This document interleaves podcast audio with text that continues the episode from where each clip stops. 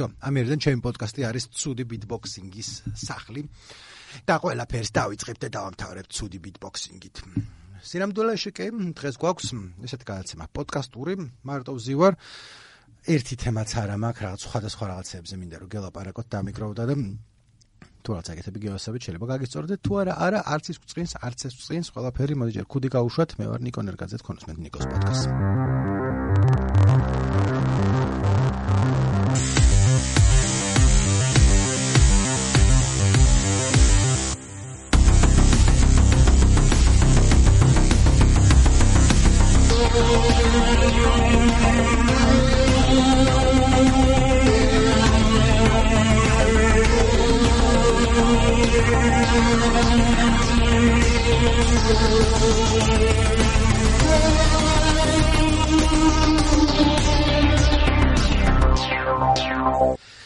იქიდან დავიწყოთ რომ ვინი ფიქრებდა რა ვიცი აი 10 წლის წინ კი არა 5 წლის წინ საერთოდ ვინი ფიქრებდა რომ ეგეთი რაღაცა შეიძლებოდა მარიხუანის ლეგალიზაცია თუ დეკრიმინალიზაცია. ბოლომდე ვერ გავერკვია რა არის ლეგალური რა დეკრიმინალიზებული და ასე შემდეგ რამდენიმე ის წავიკითხე ფაქები, რა ქვია, frequently asked questions გულის მოგცხადია და რა არის რა არის და ბოლომდე ვერ ჩამოღა რაღაცა წერი რომ თუ გაუკიდე მაშინ ვერ დაგიჭერენ, მაგრამ თუ ხელში გიჭირავს ხელმო აუნთებელი მაშინ და მაგაში ვერ გავერკვე, მაგრამ ამ ხელათი წინა ვართ. იმიტომ კი არა რომ რაღაცა აუცილებლად ყველამ პლანი მოუწიო, თე რა კარგია კიბოს არჩეს. ჯერ ერთი ყველას რასაც წაიკითხავთ ხოლმე რომ კიბოს კურნავს არ დაიჯეროთ, არ კურნავს კიბოს. რაღაცებში ეხმარება ადამიანს, ვისაც უკვე დაავადება აქვს როგორც წესი იმაში. მადა რო გაიხსნას, არა ვარ მაგის მეცნიერი და ნუ ნუ მომთხოვთ ახლა რაღაც წყაროების დასახელებას, მაგრამ რაც წამიკითხავს, ნუ არის, რა და ძირითადად ის სხვა შორის ის ნივთიერება ეხმარება ხოლმე, რამდენადაც მე ვიცი, მარიხუანის, რომელიც არ გაბოლებს, ანუ THC კი არა მეორე რაღაც ტიპი რო არის და ვისაც ახლა მადას ისუხსნია, ვიცი მე რა დროს ეგ არის, მაგაზე საერთოდ ვაპირებდი ლაპარაკს, მაგრამ აა როგორია? ხანდახან არის ხოლმე ხო რაღაც ქვეყანაზე გული აგიცრუდება და მე გარშემო მიმოიხედავ და ვფიქრობ, რომ არა გვიშავს, თო, არა გვიშავს. რაღაც ახლა რეგიონში რო გადახედავ, ხო, ჩვენი პრობლემები გვაქვს, ახლა რაღაც არ გაწყნარებს, რომ სხვაგან უარესად არის საქმე. რაღაცებში უკეთესად არის საქმე, ბაზარი არ არის, მაგრამ მაინც გვაქვს რაღაცა ესა რომ. თან ახლა ჩვენში დარჩეს და ბოლოს უკვე кай ხანია ლეგალური შეიძლება არ იყოს. ლეგალური მოსაწევი ძალიან ცოტა ქვეყანაში ორ ქვეყანაშია და ნახევარ ამერიკაში მესამედში რა შტატებში. დანარჩენი ყველგან მათ შორის იმ ქვეყნებში სადაც არიჭერენ ხამე ჩეხეთზე ვიცი რა ჩეხეთში არ უსარი ჯარიმა არის მაგას არავინ არ გაჯარიმებს საერთოდ. მაგრამ იდეაში თეორიულად შეიძლება რომ პოლიციელი მოვიდეს და დაგაჯარიმოს და უქნიათ ერთი ორჯერ. უბრალოდ ზეროსლოთ არ უნდა გაგიმართლოს იმიტომ რომ მინახავს მე პოლიციას ჩაულია და გარშემოტებებს ჯოინტები უჭირავთ უზარმაზარი კაი ბავშვის ხელაჯო ბურიტოსნაირი რაღაცა დიდი ჯოინტი უჭერავს და არაფერი არც გამოიხედებიან ხოლმე. ერთხელ ვიყავ რაღაც ბარში და შემოწვიდა პოლიცია. მე თქვი აი მე რეიდია მე რა არაფერი ვიჯექი ჩემთვის მაგრამ ვიღაცები გაიყვანეს მე რა აღმოჩნდა რომ არასრულწლოვნები ვინც იყვნენ ისინი თორე. იქ ბარი იყო გაბუღული თვალიდან ცრემლი წამოგივიდოდა იმდენს ეწეოდნენ მაგრამ მაინც. ხო და რის თქმა უნდა რომ ჩვენთანაც ახლა აა კაი ხანია უკვე რომ თუ ახლა ვინმეს მაღაზია დაჭერა ან დაჯარიმება ან რაღაცა უნდა პოლიციას ვამბობ ორი გადაცმული ტიპი მივა ავი ზოგი კანუდოსთან ზოგი ბაუჰაუსთან და ზოგი გარშემო წარიან და ერთი 20 კაცს გეაღრიდნენ ერთ ნახევარ საათს განმავლობაში მაგრამ არ შეებოდნენ მაგას და კიდე უფრო ნაკლებად იზამენ და მაღაზია არ არის საერთოდ რა კაია რაღაცები წერია კანონში და ხანდახან ვამაყობ რა ნუ ვფიქრობ ხოლმე ქვეყანას. ეხლა მოჯერეთ რაღაცას ვიტყვი და მეორე სხვა რაღაცას, რომ მგონია რომ ქართველებს გვინერ გავენ ხოლმე ბავშვობიდან ცოტათი რასისტობას. იმ ხრივ რომ რაღაცნაირად უნდა და მე მაგას საპირისპირო შედეგიც მოყვება ხოლმე. რასისტობას არ აუცილებლად თქვა ჩავკანენთან მიმართ. არამედ რომ სისხლში თუ ქართველი ხარ რაღაცა სხვა ტიპი ხარ და რაც ცხადია რომ არასწორია. ეხლა იმას არ ვამბობ რომ მეც ქართველი ვარ და სიამაყე ქართული კულტურით თუ წარსულით თუ ისტორიით თუ სპორტით თუ რაღაცით ძალიან ბუნებრივია ყველასთვის და შეიძლება ახლა ჩემი რა არო რუსთაველი იყო და რაღაც დავით ყიფიანი ან მოფარიკავებმა რომ რაღაც გამოიმარჯოს, მაგრამ მაინც მიხარია და მგონია რომ სწორია რომ ეგრეა, იმიტომ რომ რაღაც ეგრე ცხოვრობთ ადამიანები რა. ეგ სხვა საკითხია. მაგრამ ის რომ ვიღაცას ჯიში და ჯილაკი და სისხლი რაღაცა უჩქებს არა აქვს მნიშვნელობა რა, ეხლა ის ილეჭაჭვაძეც ქართველი იყო და ბერბიჭაშვილიც და შუაში კიდე უამრავი სპექტრზე ბევრი სხვა ადამიანი, რომლებიც არც ერთი არის, არც მეორე, მაგრამ ნუ ყველა ადამიანები ზოგადად ერთნი ვარ და არ აქვს დიდი მნიშვნელობა. სისხლში რა გიჩქებს? კულტურაზე რაღაცებს აქვს მნიშვნელობა, მაგრამ გადამწყვეტი კი არა, ხო, ნუ აქ დაიბადე, აქ ცხოვრობ და რაღაც თამაყოფ და ბაზარი არ არის, მაგრამ მარტო იმით რომ ამაყოფ რომ სისხლ. მაგრამ მაგას აქ მეორე მხარე მე რომ ეს ტიპებს ემართებათ ხოლმე, რაც ცუდები ვართ ქართველები ვარ, რაც არის ზუსტად იგივე, ოღონდ მეორე მხარე. აი ქართველებს რა გჭირს? ხო, რაღაცები გჭირს ხოლმე რა, რაღაცები ზომა დავიცვათ რა მეგობრებო რა თუ შეიძლება ზომა დავიცვათ და მაგითი აი ხა თუ ლაპარაკესენი არაფერი. აა ჭკვიანური ამაში არ იყო. ამიტომ გადავიდეთ შემდეგ საკითხზე განსახილველზე რომელიც არის მეგიტარე ხიდის ქვეშ.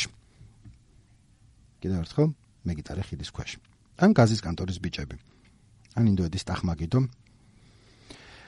მეც რა ვფიქრობდი რომ ხო არის რაღაცები რაც ბავშვებიდან ბავშვებს გადაეცემა თაობის განმავლობაში ერთ-ერთი არის აი ესენი. თუ რა ამას წინათ რა თქმა უნდა ორი წელი წინ იყო, მაგრამ შრომობა ჩემი შვილი მაშინ პატარა იყო.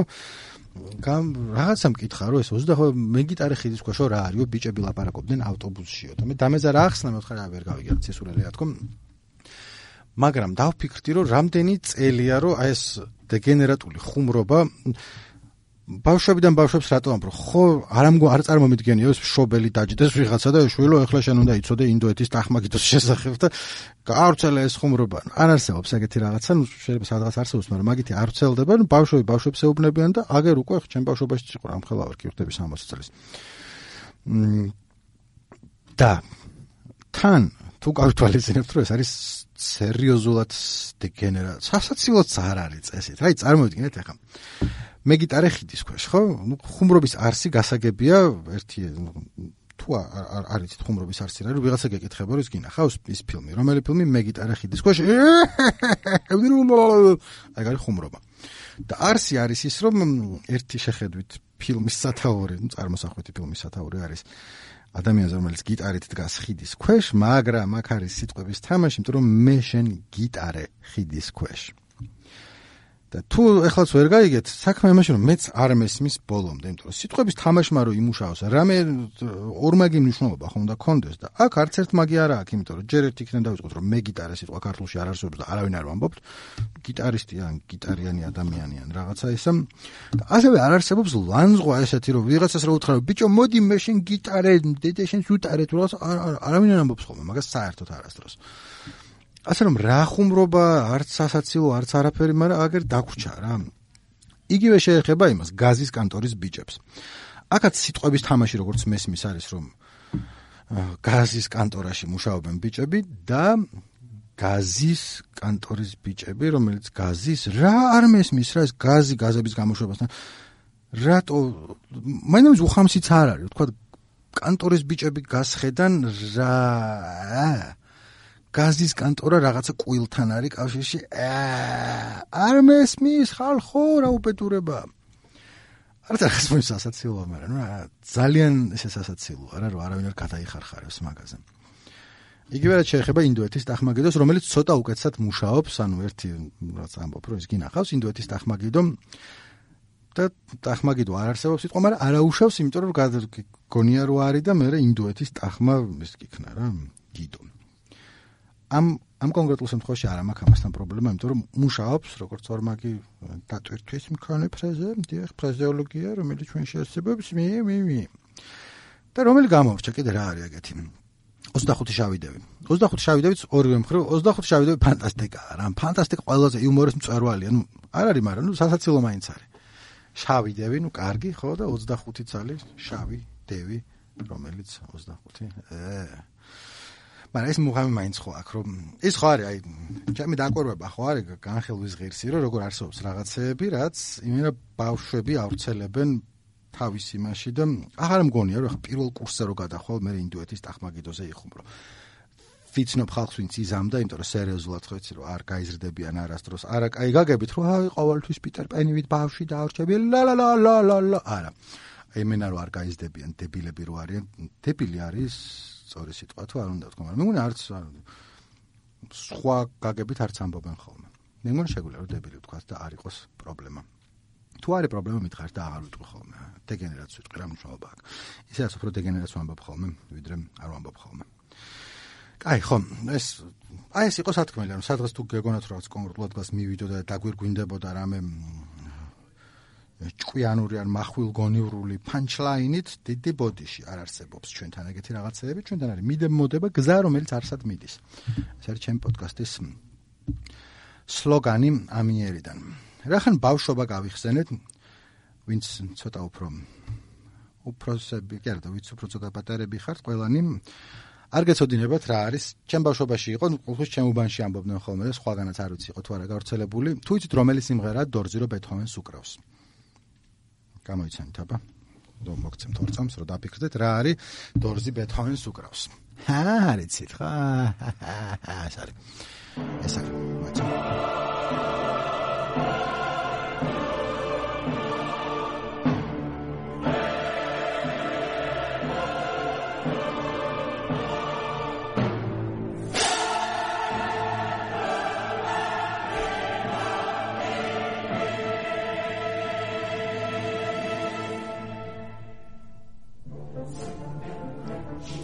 ვიცი ალბათ გაგიშთათ შეკითხვა რომ რატო არის ეს დორზი რო ბეთჰოვენს უკრავს? იმიტომ რომ ნუ ცხადია რომ არც დორზია და ასევე არც ბეთჰოვენს გავს არანაირად კარმინა ბურანას ო ფორტუნარი ანუ კარლორფის კარმინა ბურანას ბოლო არის ხო? რა რამდენიმე ნაწილია დანარჩენი ხო რო გითხრათ რომ სხვა პირველი ნაწილი რო ჩამერ თუ კარმინა ბურანას ვიცნობ თუ არა სავარაუდოდ ვერა მაგრამ ნუ ეს ყველამ ვიცით?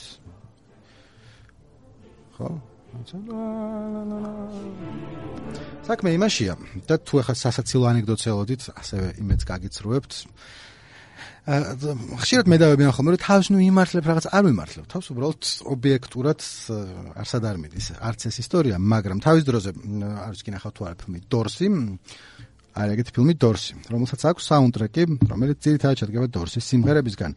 ოფიციალურ საუნდტრეკზე რა არის შესული არის, მაგრამ ჩვენთან იყიდებოდა ეც ორიგინალი კასეტა, სადაც იყო ძირითადად დორზის სიმღერები, ამ ფილმის საუნდტრეკია რა. და იყო ორი სხვა სიმღერა, რომელიც ცალსახად არ არის დორსის. ერთი იყო ეს და მაგიტომ თქვა თუ უბანში რაღაცები რო უსმენდნენ, ну კლასიკური მუსიკა რა ვიცით, მოცარტი და ბეთჰოვენი. ხო მოცარტს ნამდვილად არ გავს ეს და ну რაღაც მეცხრე სიმფონია რაღაცა რატო არა, ბეთჰოვენია.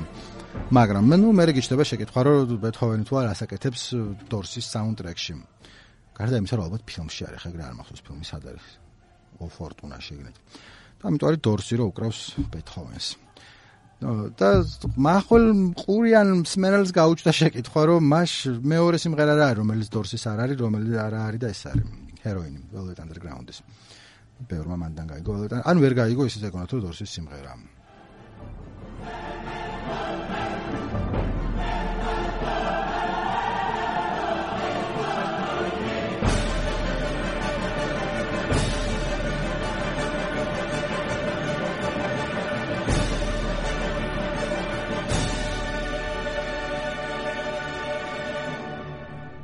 არც სათამდე გამეშვა და თავისით ქნა. უჰ, კარგად მიდის ამალა პოდკასტი, კარგად მიდის. დავყარეთ, დავყარეთ სხვა სხვა თემების. შემდეგი თემა არის ის, რომ აღმოვაჩინე, რომ ხალხაობას მიმართავ ხოლმე, იმიტომ რომ მივხედავად ჩემი ასაკისა 70-ს უკაკუნებ ცოტა ხანში. ძირითადად უფრო ახალგაზრდები რა, ეს ახალგაზრდები, რომელსაც უნდა მოერიდოთ რა, მოერიდოთ ცოტა ამ ყველაფერს რა. ეს ლაპარაკობ ხო, ორი დღე ვკითხულობ Facebook-ზე და ჩემ თავს შევპირდი და თქვენ შეგპირდით ისე რა არიცოდი თქვენ, იმიტომ რომ არ ჩუმად ვიყავი. გონებაში შევპირდი რა თქვენ ჩემს სმენელს და ჩემ თავს რო არ ვილაპარაკებდი მაგ თემაზე, მაგრამ ემაზე რა ქირურგებმა რომ მოწეულმა არ უნდა აკეთონ ოპერაცია და რაღაც რიფს ბოდავენ. რა აუ რა რანაირად უნდა გასცე ხოლმე მაგას? პასუხი რომ ხო აბა რა არც თვალმა და არც გადაღლილმა რაღაც ის პუნჩი დასვენებული უნდა იყოს და აბა მძღოლი რომ მოწეული და არ შეიძლება დააკავე ციხეში გავუშვი მე საერთოდ მომხრევა რომ არაფხიზელი ვინც საჭესთან მოწეული იქნება თუ გაჩხერილი თუ ნასვამი იქნება როგორც პოლიტიკოსები იტყოდნენ ნახვი ციხეში რა ვიცი.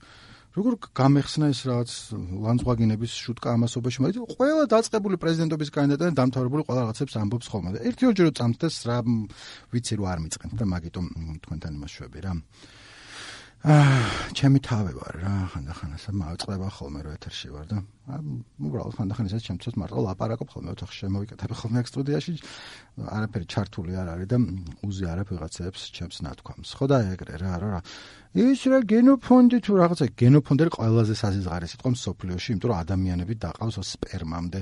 არ შემიძლია ხოლმე გენოფონდი რა უბედურებას გენოფონდი კი არა ადამიანები არიან ვიღაცები რა. კარგი საჯიში ვაშკაცები რომ მოწეული ეგ იმის გათვალისწინებით რომ ახლა ვინც მისმენთ ხოლმე არ ყოფილა არც ერთი შემთხვევა როცა რამე ნარკოტიკებზე იყო ჩვენთან ლაპარაკი პოდკასტში და არაერთხელ ყოფილა ხაზი არ გამესვას რომ ჯერ ერთი მართლა მეც მიმაჩნია რომ მარიხუანაც ნარკოტიკია. ისევე როგორც ახლა ნაკლებად საშიშია სხვა რაღაცეებზე და არ მეჩვენება მეც პრობლემად მაგრამ არის რაღაცები რაც ადამიანს უნდა გაითვალისწინო. ჯერ ერთის რომ რაც უფრო ადრე იწყებ მოწევას მით უფრო თავში გირთხამს და გაშტერებს ცოტა და რავი ეთერა მოდ თავიდან დავიწყებ რა ხარ მაგთმას მაინც შევეხე. კიდე ერთხელ იმის გათვალისწინებით რომ ექსპერტი არა ვარ მაგრამ რაღაცები წამიკითხავს ერთი რაც იწება ხოლმე ეს ექიმები მოყვებიან რომ თქვენ გინახავთ ჰაშიშური ფსიქოზით შეაპყრობილი ადამიანი მე ბევრი მინახავს ბაზარი არ არის. არსებობს ჰაშიშური ფსიქოზი ეგეთი ტიპი.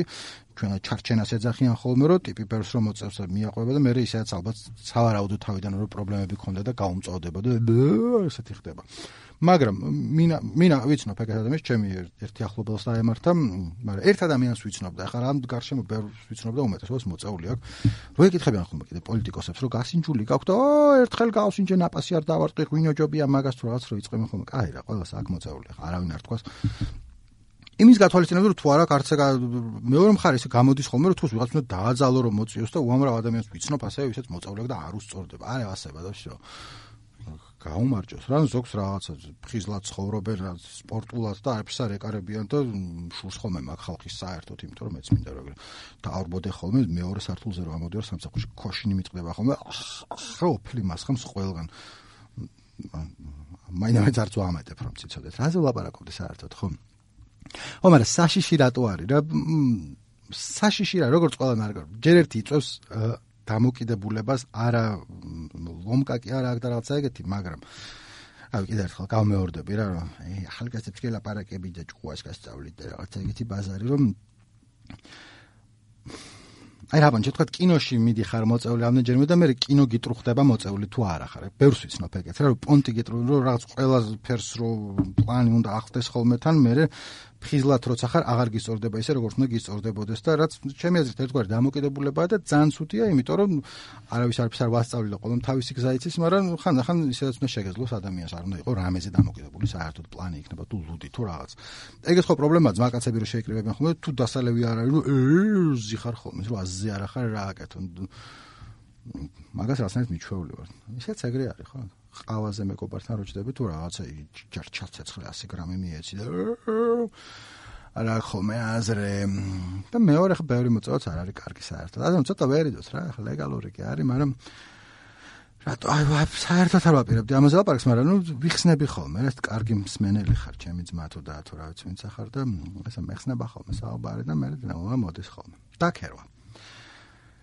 გადავედი შემდეგ თემაზე ხა. ამასთანავე აღმოაჩინე რომ იცი დავფიქრდი უცებ რომ სიტყვა დაქერვა აღარ გამიგია ძალიან დიდი ხანია. და მე მყავს უმცროსი ასაკის მეგობრების და ერთ-ერთ ვკითხე თუ იცი მეთქი დაქერვა რა არის? ანუ ცუდად ჩანს ახლა ხო ხო იცი თუ არა რა არის დაქერვა? არა, ეს სიტყვა მოიტანა, არ იყო რაღაცა ეგეთი. sexual harassment პონტი არ იყო საერთოდ. დაქერვა ვინც არის, არის petting-ი არის ინგლისურად, ანუ კოცნი და ხელს რომ მოკიდებ ძუძუზე ან ფეხზე ან რაღაცა თეძოზე, არ ვიცი. ოღონდ თვითონ სიტყვა რაღაცნაირ საზიზღარი სიტყვა, ნუ რაც ხო ხელი მოვკიდე დაუქერე და ცოტა ეს მოაქჩემთან რაც შაურაც ყოფილი ყველაფრის მიმართ ქართული ენის და თვითონ ფაქტის რაც მოხდა და ერთის მახსოვს ბავშვობაში ქვიშხეთში ვისვენებდა ერთ-ერთ ტიპთან რომელიც კაი ბიჭია ძალიან არ მინახავ ძალიან ბევრი ხალხი მაგრამ ბავშვობაში ძალიან მიყვარდა და ეხაც ალბათ მოგ ჩამოვიდა რაღაცნაირი ნათესავი რუსი თუ რაღაცა რომელიც ნათესავი არა ვიღაცა მოკლედ. და ღამე ერთად იწვნენ სახლში. და მე მეორე დღეს ალბათ იყვნენ მაშინ 15-16 წლის თუ 17-ის და მე საერთოდ პატარა ვიყავი მაგრამ ესე დამამახსოვრდა ეს საუბარი მათ შორის ერთი ეკითხება რომ აისაო რაღაცაო. და ნუ არაო და დაქერეო და მეორე მეორე ჩაერე რომ არა ბიჭო დაინდობდაო რაც ასევე ზოგადად ცუდად მეტყველებს ყოველას მსოფხადველობაზე. ეს კაი ბიჭია თქო ხაზი გაუსვი, იმიტომ რომ ვიღაცები კი არ იყვნენ ველურები, ჩვეულებრივი ტიპები იყვნენ 15-16 წლის არ ვიცი ჯერ კიდე ცოტა ხანია საბჭოთა კავშირი დაშლილია თუ რაღაცა ეგ პერიოდი და დანდობა არ დანდობის საკითხი იყო რა ცოტა არასწორად გავიზარდეთ ყველანი ეს ბიჭები რა #times up და ასე შემდეგ. და კაი რო სიტყვა დაქერვა აღარ არსებობს და ასევე პასტაიანკა. პასტაიანკას თუ არიცი პასტაიანკა იყო ვისთანაც სექსი გაქვს რეგულარულად, ოღონდ შეყარებული არ არის, ну, პასტაიანა რო სექსი გაქვს, მუდმივი რაღაც შენი ის. რა ოღონდ ალბათ ეგეც რაღაც ქურდული სამყაროდან მოდის ჩემს უკაცად ისენ ხოლმე ხება ეს ტერმინოლოგია და რაღაცა ესენი, მაგრამ ასნაირ დამოკიდებულებას ნიშნავს ზოგადად ასევე რომ შეიძლება გიყვარდეს ადამიანი თუ რა დრო დრო დადიხარ და სექსი გაქვს რაღაცა სახის გზნობა ხო უნდა კონდეს რამ თუ რა კვირაში ერთხელ თუ თვეში ერთხელ თუ რაღაც განგრძობადობა რო აქვს ესე იგი რაღაცა არის რა თქვენ შორის მაგრამ ამას ამოშანთავ და უარყოფ რომ პასტაიანკა უბრალოდ იმიტომ რომ ჩემთვის სულ ერთია იგი უნდა დავქერო ხოლმე პასტაიანად. ხო და მაგრამ სიმღერას გავუშვებ ახლა და თან მაგაზეც ვილაპარაკებ, იმიტომ რომ მაგაზე ანუ სიმღერას ახლა შევხედე, რასაც უშვებ. ვეძებდი ზამთარი cover ჩავწერე YouTube-ში, ან უბრალოდ ზამთარი ტაქსი, ტაქსი ზამთრის cover-ები მაინტერესებდა რა იყო და როგორ. და ერთ-ერთი აღმოაჩინე საზოგადოებრივი მაუწყებლობა 60 წელი ერთ. მე მგონი შარშანდელია საახალწლო თუ რაღაცა ეგეთი სერგი გვარჯალაძის cover-ი არის.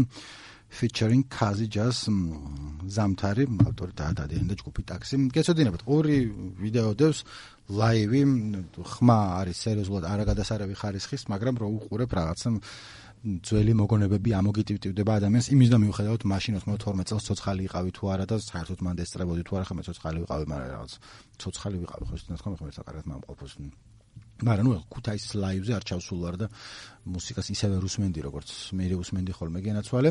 მაგრამ ნუ მოკლედ ეს არის კავერი იმას ტაქსის ზამთარს არ გავუშვებ იმიტომ რომ მგონია რომ მოსმენელი უნდა გქონდეთ და თუ არა გაქვთ თქვენი პრობლემაა და ჩემი არ არის. და ცოტა ხანი გავუშვებ ამ კავერს იმიტომ რომ ჩემი აზრები უნდა მოგახსენოთ ამასთან დაკავშირებით იმიტომ რომ ძალიან მნიშვნელოვანია რომ ჩემი ამბები ჩემი აზრები იცოდეთ. იო ამასთან დაკავშირებით. სერიოზულად არ მომეწონა ეს კავერი ეს არის მოკლედ ჩემი აზრები სერგი გვარჯალაძეს რესპექტ როგორც მუსიკოსს და სხვა მხრიდანაც არა როგორც ღამის მინის, იმიტომ რომ მან რასაკეთებს არ ვიცი, ანუ არც იქით არც აქეთ, მაგრამ სხვა მხრივ მოდი რა გაუშვებ ხარ კიდე არ მოვბოდო. გათენდება დილა. მე შენი სიტყვები მესია მოუნა მაგრამ მე სადღაც გულთან ახლოს მტკივა მაგრამ მე შენი აღარ მჯერა მე შენი აღარ მჯერა ეს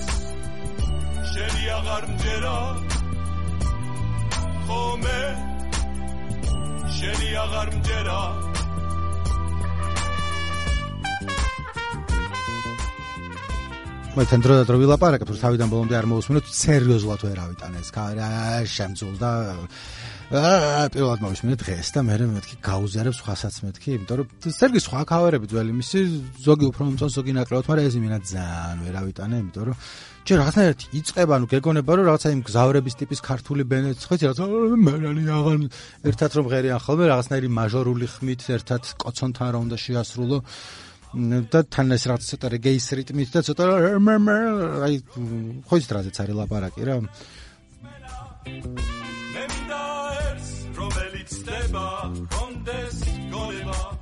ასე მე მგონი ყერები ააცალეს ამ სიმღერას რომელიც ქონდა ბევრი 4 ცალიება თავიდან როცა იქ მღერიან თავისი ყველა მომწონს კიდევაც რომ кай ხარისხის ჩანაწერი არა გვაქვს რაღაცებს უხდება ეს ჭუჭყი ხმაში და ცოტა დაძველება და ეს low-fi უფრო აუთენტური უფრო ასნაირი ჯიგრული არის რა როდის 92 წლის ქუთაისში რაღაცა ლაივი უ და ეს კიდე რაც. ეს მოიყვანე აქამდე რომ featuring Kazi Jazz ალბათ გაინტერესებდათ რა იყო და ეს არის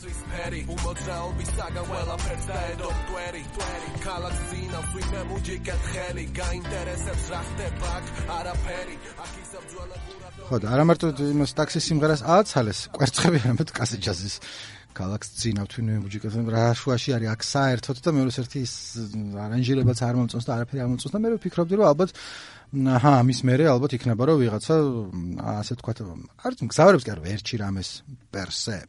ლათინური ცნო შემოვარიო ხოლმე ხანდახან მაგრამ აუცილებლად რაღაცნაირ ყველა სიმღერა ერთნაირია ხოლმე რა.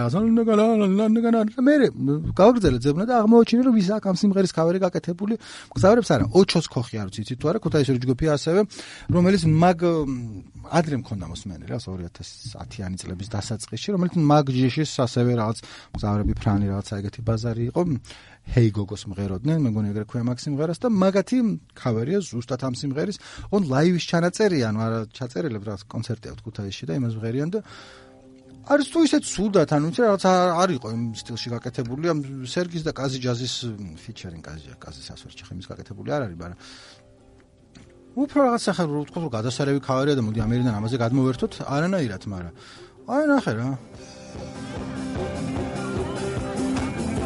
ხარისხი იმიტომ რომ ქუჩაშია ჩაწერილი და რაღაც ეს მე 2000 ნახვა აქ YouTube-ზე ასე რომ უბრალოდ ისა რა საილუსტრაციო თუ შევ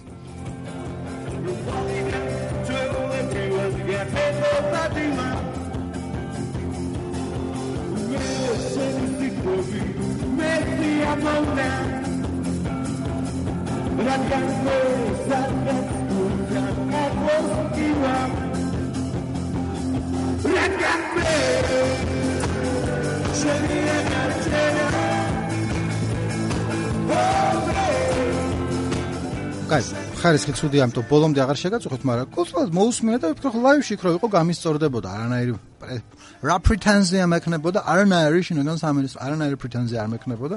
არა, ლაივია რა, შეიძლება ის კავერი რო ჩაწერო და გამოუშვა, მე რაღაც ჩავაკერკიტო, რომ იქ რამდენად არის შენი ინტერპრეტაცია ამ კავერში, იყო არა საჭირო კავერი იმ სახით. ამ შეკითხებს ზუსტად ამ ტონით უსვამ ხოლმე ხმა მაღლა სხვა კავერებს, მარტო არ ხოლმე ცხადია ოთახში და იყო თუ არა ამ ხმით ლაპარაკობ, იმიტომ რომ მე არავის არ ესმის და რა საჭიროა. აა მაგრამ ეს რა ვიცი, ლაივში სხვანაირად დაუკრავ, გაგისწორდება, მოდი კიდე მივცემ რა.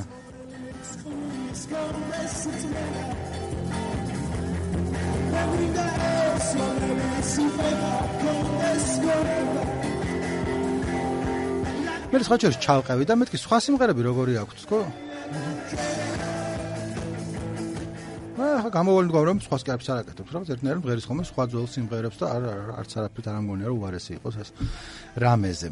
ხოლმე მე გადავხედე მეთქი ოჩესკოვს იქნება ყველა ვერჩი და მას მე შეიცვალნენ და მე მგონი მე დამეზარა კარგად შესწავლა. და ვიცი რომ აპატიებთ იმიტომ რომ ცხოვრება მოკლეა და კი ხანდახან გაგიჩნდება ადამიანის შეკითხვა რომ აბა რა გააკეთა ოჩესკოვმა 2012 წლის შემდეგ და რამდენიმე ვიდეოს რო ნახავ მე ვფიქრობ რომ მართლა გაინტერესებს გულით ანუ გინდა რომ ეს გააგრძელო თუ რაღაცა იქ ჯიმ ჯეფრისის სტენდაპს უყურებ ახალს და მე ჯიმ ჯეფრისი გადასწონის ხოლმე. ხო შეიძლება ერთი პოდკასტის თემა მაგ მომზადებული რაღაც ხან შემდეგ კვირას ვიზამ როცა არ დამეზარება ჩემი საყვარელი სტენდაპ ფები მინდა რომ გაგაცნოთ ეს ერთგვარი ანონსის სახით ჩავრთე აქ, იმიტომ რომ ცნობერების ნაკადი როცა გაქვს, რა ვიცი, რაც მოგადგება ადამიანს იმას ამბობ ხოლმე. და მოგეთ იმის კონდრო არ ვიცი, ჩოსკოხი რასაკეთებდა 2011 წლის შემდეგ, 2012 წლის შემდეგ, რაც პოლიტიკური ელფერი მიეცა მაშინვე ამ სათქმელს, ой, ხუმრობა, ხუმრობას მოყვება. და მე მგონი არაუშავს რა არის და მე სხვა შეიძლება ძველ სიმღერებსაც რო უსმენ რა ეს გზავრების სტილის სიმღერები რაც არის ფრანის და ოჩოსკოხის და კიდე ალბათ სხვაებიც არიან იმ წუთას როცა ბევრი არის და რადიოში გესმის ხოლმე კიდე სხვანაირად ეხავს და ეხლა დრო რო გაშორებს და დისტანცია არსებობს და აღარ არის რა ეს დისტანცია вот понимаешь там дистанция ოს სიტყვას რომ ახომ რუსულად კარგი აქცენტი მაქვს და მე რა დისტანცია უცნაური აქცენტი მაქვს ხოლმე არა ქართული თქვა და სტალინს რო კონდე კაკაია დისტანცია თუ რაც არა უბრალოდ რაღაცნაირი მაზალო არც მწვენი არც ვამაყოფ უბრალოდ გაგიზიარეთ იმიტომ რომ სულ ერთი არ მიწევს ხოლმე რუსულად ლაპარაკი თუ მეკითხებიან ქუჩაში не подскажете библиотеки где раз english ვეუბნები იმიტომ რომ არ არის საჭირო თუნდაც მე შევაწყდეს სომეხი ან რაღაცა ვეჭვირო სულად არ არის ბაზარი მაგრამ ხარა სად გავარჩიო უკრაინელია თუ რუსი? ხო ამიტომ ინგლისურად იცოდეს როგორ რაღაც ან არის აუცილებელი რომ ყველგან რუსულად ლაპარაკობდნენ ხოლმე. ეს არის ჩემი ო Facebook-ზე სტატუსი უნდა დავწერო. მე რა ძლიერი ვარ ვინმეს კონკრეტულად არ დავცინე ხო პროსტა ესე. კიდევ ერთხელ მომადგება ხოლმე თავზე ლაპარაკობ ხო კიდე რისი ის მინდოდა? განხილვა. ძალიან უცნაური კონცეფტი არ არის მისი რომ დაგინებულია და შეეწერება ვიღაცას. ცოტა ჰარი პოტერის პონტია, რაღაც ბეჭდების მბრძანებელი, სადაც მაგია ფიგურირებს ხოლმე. თუ აშკარად მაგიური პონტია, რომ რაღაცას დადებ, თქვა და ამას ვიღაცა დაგინებულია შეეწერება. იგულისხმება ამ შემთხვევაში არა მხოლოდ ის ხალხი, ვინც გარშემო, არამედ ზოგადად აქ მანქანას ნუ გააჩერებ დაგინებულია და რომელიც მე რაღაცა მაგიასავით მოქმედებს, რომ თითქოს ის დაადე, ნეტა ჰარი პოტერი ქართულად კონდეს წაკითხული, უკეთესად მექნებოდა სიტყვების მარაგე მაგიურ სამყაროსთან დაკავშირებით, რომ შელოცვა, სპელ შელოცვა, ხო, შელოცვა დაადე და ვიღაც ხელს რომ მოკიდებს, მე ხაფანგივი ტკაპან შეწერა დედა აქ შეგინებული და მე რომ და წავიდეს და ისე რომ თვითონაც არიცის, არ ჩენ არიცი. ეს ასევე სკოლაში ვიყავი 61 სკოლაში სწავლობდი, მე-5 კლასამდე მე გადავედი სხვაგან 55-ში და უკან ეზოში რას გიყვებით ახლა, მაგრამ ნუ მახსოვს რა, ეზოში თამაშობდით.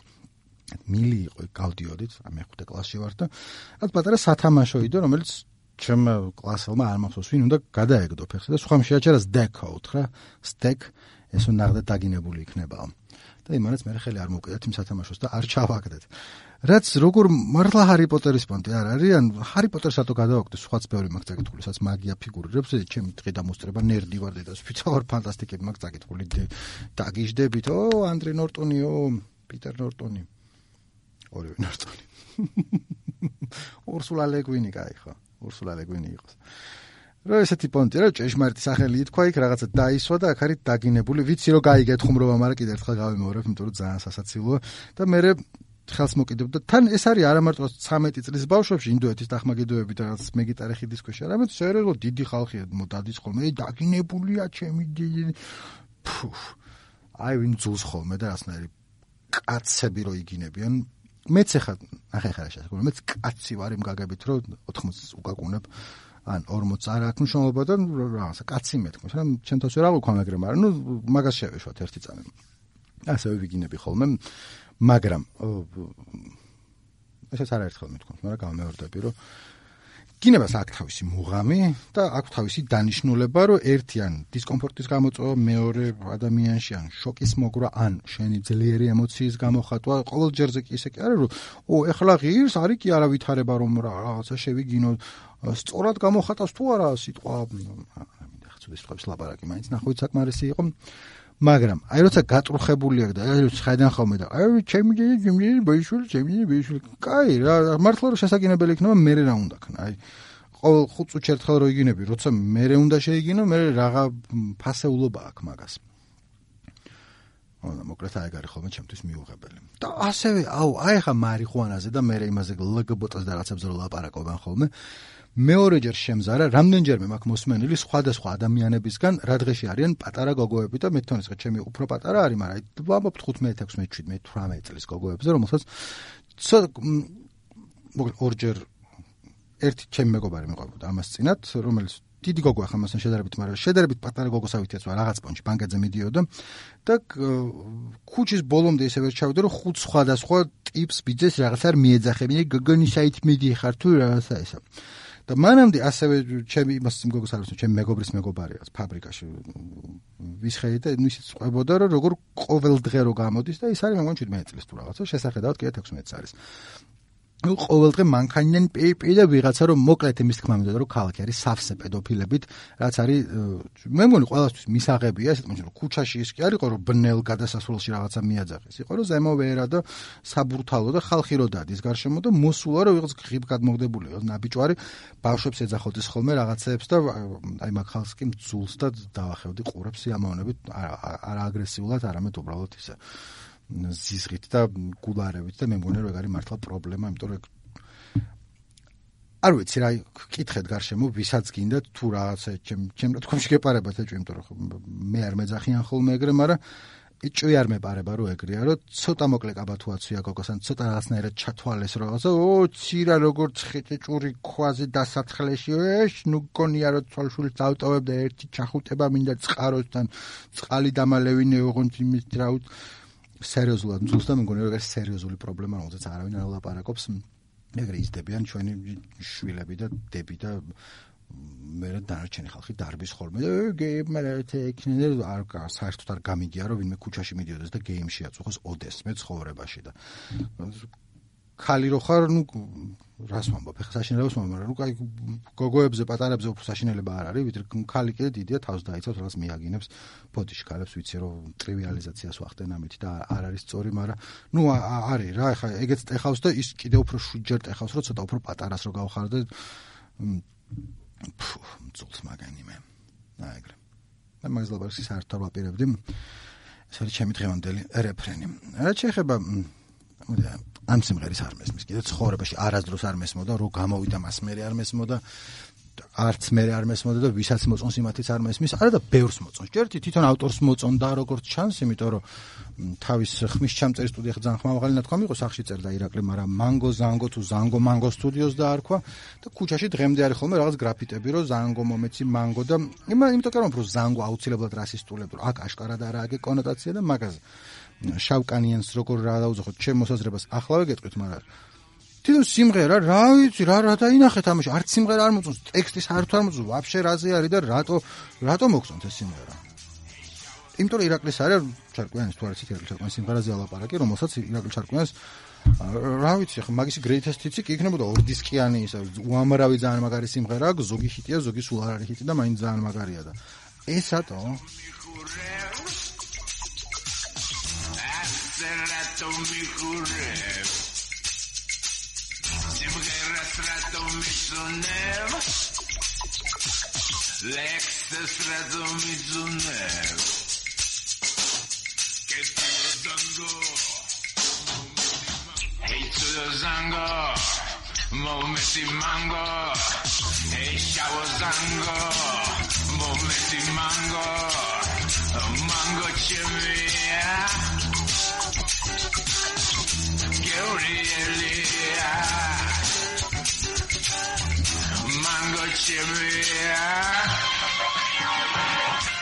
თან ეს სიმღერა ერთხელ კი ორჯერ აქვს ჩაწერილი სავსეშია მე მგონი ხო? ალბათ. სადაც არის რამდენიმე ძალიან კარგი სიმღერა. თუ ახლა მეშლება და სხვაგან არის და მომეწოდა თავი მაგრამ არა ეგრე მახსოვს რა ეს არის ერთი ეს ვერსია, მეორე რაც უფრო ჯაზ ვერსია. არც ერთი რაღაც არც მუსიკა მაინდა მაინც და არც სიმღერა თავიდან ბოლომდე და ტექსტი მით უფრო არა იმიტომ რაც ზანგო დაძველდა. არამედ რაღა მომეცი მანგო ცუდო ზანგო რა კაი ერითმება ხო ზანგო და მანგო მაგრამ ნუ რამე აზრიდებს ეხა ამაში კარგი რა ირაკი არც გაადრაკო. რამდენი სხვა კარგი რაღაცა ეხა ეს არ არის ეს არ პრეტენზია ირაკლი ჩარკვიანთან, იმიტომ რომ კაც ბევრი ალბომი აქვს გამოშვებული და ნებისმიერ მუსიკოს ბევრი სიმღერა რო აქვს, ზოგი უფრო მოგწონს და ზოგი ნაკლებად და ზოგი შეიძლება ჩათვალო, რომ რაღაც არ გამოუვიდა. ან თვითონ შეიძლება სხვა ხედავდა და მე ვერ ხედავ, რა ვიცი მე ხა მუსიკოსი ის იყო გემოვნებოდ ჩემზე უკეთესი ქონდა და რაც მაღაზია არ ვამბობ, მაგრამ აი რა საერთოდ ვერ ხვდები. აი საერთოდ არ მოაქვს არანაირი არაფერი, არანაირი არაფერი, არც არასდროს არ მოქონდა. და კიდევ ერთხელ არა იმიტომ, რომ პოლიტკორექტულობა და ამბავი, იმიტომ რომ მე მგონია, რომ ეხლა ალბათ აღარ, ეხლა ზანგს რო ამბობ, გულისმობ ცოტა რაღაცა დამამცი, ტონს გააჩნია, ხო, მაგრამ ნუ ჯერ კიდევ ცოტა ხნის წინ რამდენიმე წელს ვამბობ, შეიძლება გეთქვა ადამიანს, რომ ზანგია და უბრალოდ გეგულისხმობ, რომ შავკანიანია და არაფერი დამამცირებელია ისა. დღეს ახლა იმდენი ითქვა რომ ეს ანგი არ შეიძლება შავკანი რომ მართლა ასნაირად გახდა რომ არ შეიძლება მოკლედ განზრახვა სხვა აქვს მნიშვნელობა და თუნს სიტყვის ისტორიას და რამდენადაც მე ვიცი ზანგი არაფერს ი ზანგუ ზანგუ არ არ იყო რაღაც ანუ ხო რა შავკანიანო ზუსტად იმავე რაც ვერ ხედავ აქ ნეგატიურ კონოტაციას რა და არ ვიცი რატო არ არ მესმის მაგრამ დღეს ალბათ უკვე აქვს ან რაღაც რახან ჩამოყალიბდა რომ არ შეიძლება არ შეიძლება არ შეიძლება არ ამგონია რომ მანამდე აუცილებლად ისე ყოფილიყო რა ზანგი ცუდი სიტყვა იმიტომ რომ ცუდად მოიაზრო არ ქონდა რა იგივე დატვირთვა როგორც თქვა ინგლისურად n words რასაც ამბობენ ხოლმე იმიტომ რომ იმას ქონდა. უამრავი სიტყვა აქვს ამერიკელებს მაგალითად რომლის თქმაც არ შეიძლება იმიტომ რომ საუკუნეების განმავლობაში ქონდათ ეს ინსტიტუციური რასიზმი და მონობა და ყოველდღურად ჩაგრავდნენ შავკანიანებს სხვადასხვანაირად ხან რაღაც ცუდ სიტყვას დაუძახებდნენ თქვა სიტყვაში ჩვენთან არ არის ეგრე ხო? ბიჭო დამამცირებელი სიტყვა შეიძლება არ იყოს და ამერიკაში რომ ბოემი მართო ზანგს არის სერიოზულად სხვა დონე. რასისტულად შეურაცხყოფელია? იმიტომ რომ იქ თავის დროზე პლანტაციებზე ყველა თუ ბაბუა შავკანიანი ყოფილიყო და ბო ესე დაუძახებდი, იმიტომ რომ ისინი ადამიანები არ არიან და ამიტომ ესე უნდა მიმართო და გასაგებია რა, ნუ ის არის იმ კულტურული სივრციდან წამომავალი სიტყვა, რომელსაც აქვს საშინელი ისტორია, სისხლის ცრემლების და უბედურების, ჩვენთან რა ვიცი მე საიდან მოდის რომ ადრე მიხსნიდა ერთი რომ აი შუა საუკუნეებში თქვა მონა და ზანგიო ერთი სიტყვა იყო, რისიც მე დავფიქრდი რაც ისტორიაზე რაღაცებს უსმენ ხოლმე პოდკასტებს და რისიც არ მჯერა, იმიტომ რომ კარგა აი ვთქვი კოლონიალიზმის ეპოქა არ დაიწყებოდა და ეგ მერე იყო სერიოზულად არანაირად არ ნიშნავდა შავკანიანი და მონა ეგ მერე გახდა როცა ევროპელებმა დაიწყეს სისტემურად სხვადასხვა შავკანიანების ერების თუ ხალხის თუ ქვეყნების თუ რა ვიცი რაც არის იმათი დაჩაგვრა და მერე გაправება იმით რომ ეს შავკანიანები მაგათთვის შეიძლება იმიტომ რომ ეგენი ადამიანები არ არიან თორემ. მანამდე იყვნენ ეთიოპიელი შავკანიანები ჩამოდიოდნენ რაც იმაშოვებდნენ და არავის არ ეგონა რომ მონობა იყო მაგრამ არ იყო რასასთან დაკავშირებული რადგანაც მე ვიცი. ბოლოჯერ ვიტყვი რომ არც ამას ვაპირებდი ლაპარაკს, მაგრამ აბა რაზე აპირებდი ნიკო ლაპარაკს, რაზე და გეტყვით. ინდოეთის ტახმაკიდოზე და რაღაცნაირად მეგონა რომ ეგ წაიღებდა 15-20 წუთს. რომლის შემდეგაც გადავიდოდი გაზის კანტორის ბიჭებზე, არა, აი სპასტაენკაზე და დაქერვაზე და დაგინებო, პრინციპში დაახლოებით ეკქენი რა. დრო დრო უბრალოდ აქედან იქეთ გადავრდე. კაი, ერთს ისე ზამთარს რო ვეძებდი, აქეთ იქით ვიპოვე ქავერი სხვა ზამთარის რამდენიმე კარგი სიმღერა გვაქვს რომელსაც ქვია ზამთარი. ერთი ეს ტაქსის ზამთარი ვახსენეთ ან რამდენიმე გამომრჩება კიდევაც იმიტომ რომ ვიცი. მეორე არის აი ხარ ისი ქავერიც იქნება არის ზამთარი ასიცივია ასევე ირაკლი რომელს აურა კარგად ვღერის. უჰ აი მაგ სიმღერაც ძალიან კაია ტექსტიც ძალიან კაია და ის ირაკლიც ძალიან მაგრამ ღერის და ნუ ეს არ არის ირაკლის შესრულებული ეს არის რაღაც არის დუალიტი. ჯგუფი არის, რომელიც ჯერ კიდევ რამდენიმე წლის წინ არსებობდა, ეხლა არ ვიცი არსებობენ თუ არა. საერთოდ არ მომეწონას კავერი, არ გეგონათ, რომ კარგია და იმიტომ უშვებ, მაგრამ აი 1300 ნახალ ქონდა და მეთქი რომ იცოდეთ რომ ეგეთი რაღაცაც არსებობს თქო. კიდე რომელი არის სიმღერა ზამთარი, რომელი და ესა აუთსაიდერი რომ ღერეს. და ეს duality's winter, არ ვიცი რა სტილშია გაკეთებული, მოდი წინ გადავახვევ და ნეონო დავამთავრებ კიდევაც საუბარს. რა ნიუ მეტალის ბიძაშვილი, რაღაც ხონდ რაღაც კორნის რაღაცების ქარები ქონდათ, მე YouTube-ის მაგათ გვერდზე შევედი. ან რაღაცნაირი core იქნება ამ ჟანრის სახელში. ყველა ეგეთი ახალმა. happy core, არ ვიცი რა არის. კაი, დაგამშვიდობებით ამასობაში. დაგამშვიდობებით რა, რა თქონდა სათქმელი, თქვი კარგად იყავით, მადლობა. ისა ხო? შაბათობით გვაქვს ხოლმე მზიურში საღამოს ვაჩვენებთ რაღაცა კონცერტებს, ლაივებს და ხალხი დადის და ერთობა და თუ მოსული იყავით მადლობა. იმიტომ რომ ძალიან ბევრი ხალხიც არ მოდის. და თან მე ნელა შევატყოთ რომ მეტი ხალხი მოდის იმაზე რაც უფრო ნაცნობია Pink Floyd-ის ფალს გაუშვით და აი სუყალა იყო მოსული დედამიწის ზურგზე. დანარჩენი ხა Talking Heads-ზე და Arctic Monkeys-ზე კი იყო შვიდი კაცი. მე თან ფიქრობ რომ ხარ Pink Floyd არა გაგნა ნახი მაგრამ ნუ კითხავს სხვა მუღამი აქვს რომ ხალხთან ერთად მოკლედ ამ შაბათს მეტალიკას ვაჩვენებს და მოდით რა ამ შაბათში იგულისხმება არც როდის უსმენთ ხა ზოგი როდის უსმენთ ზოგი როდის აგვისტოს დასაწყის. ხო, ზო, წავედი, ამით მორჩი ლაპარაკს. Thank you.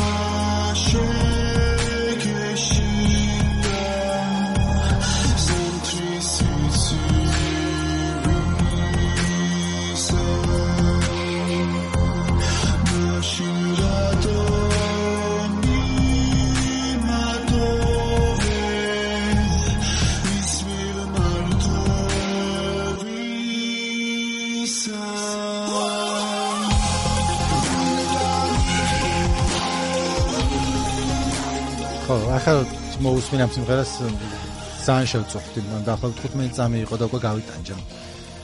კარგად იყავით.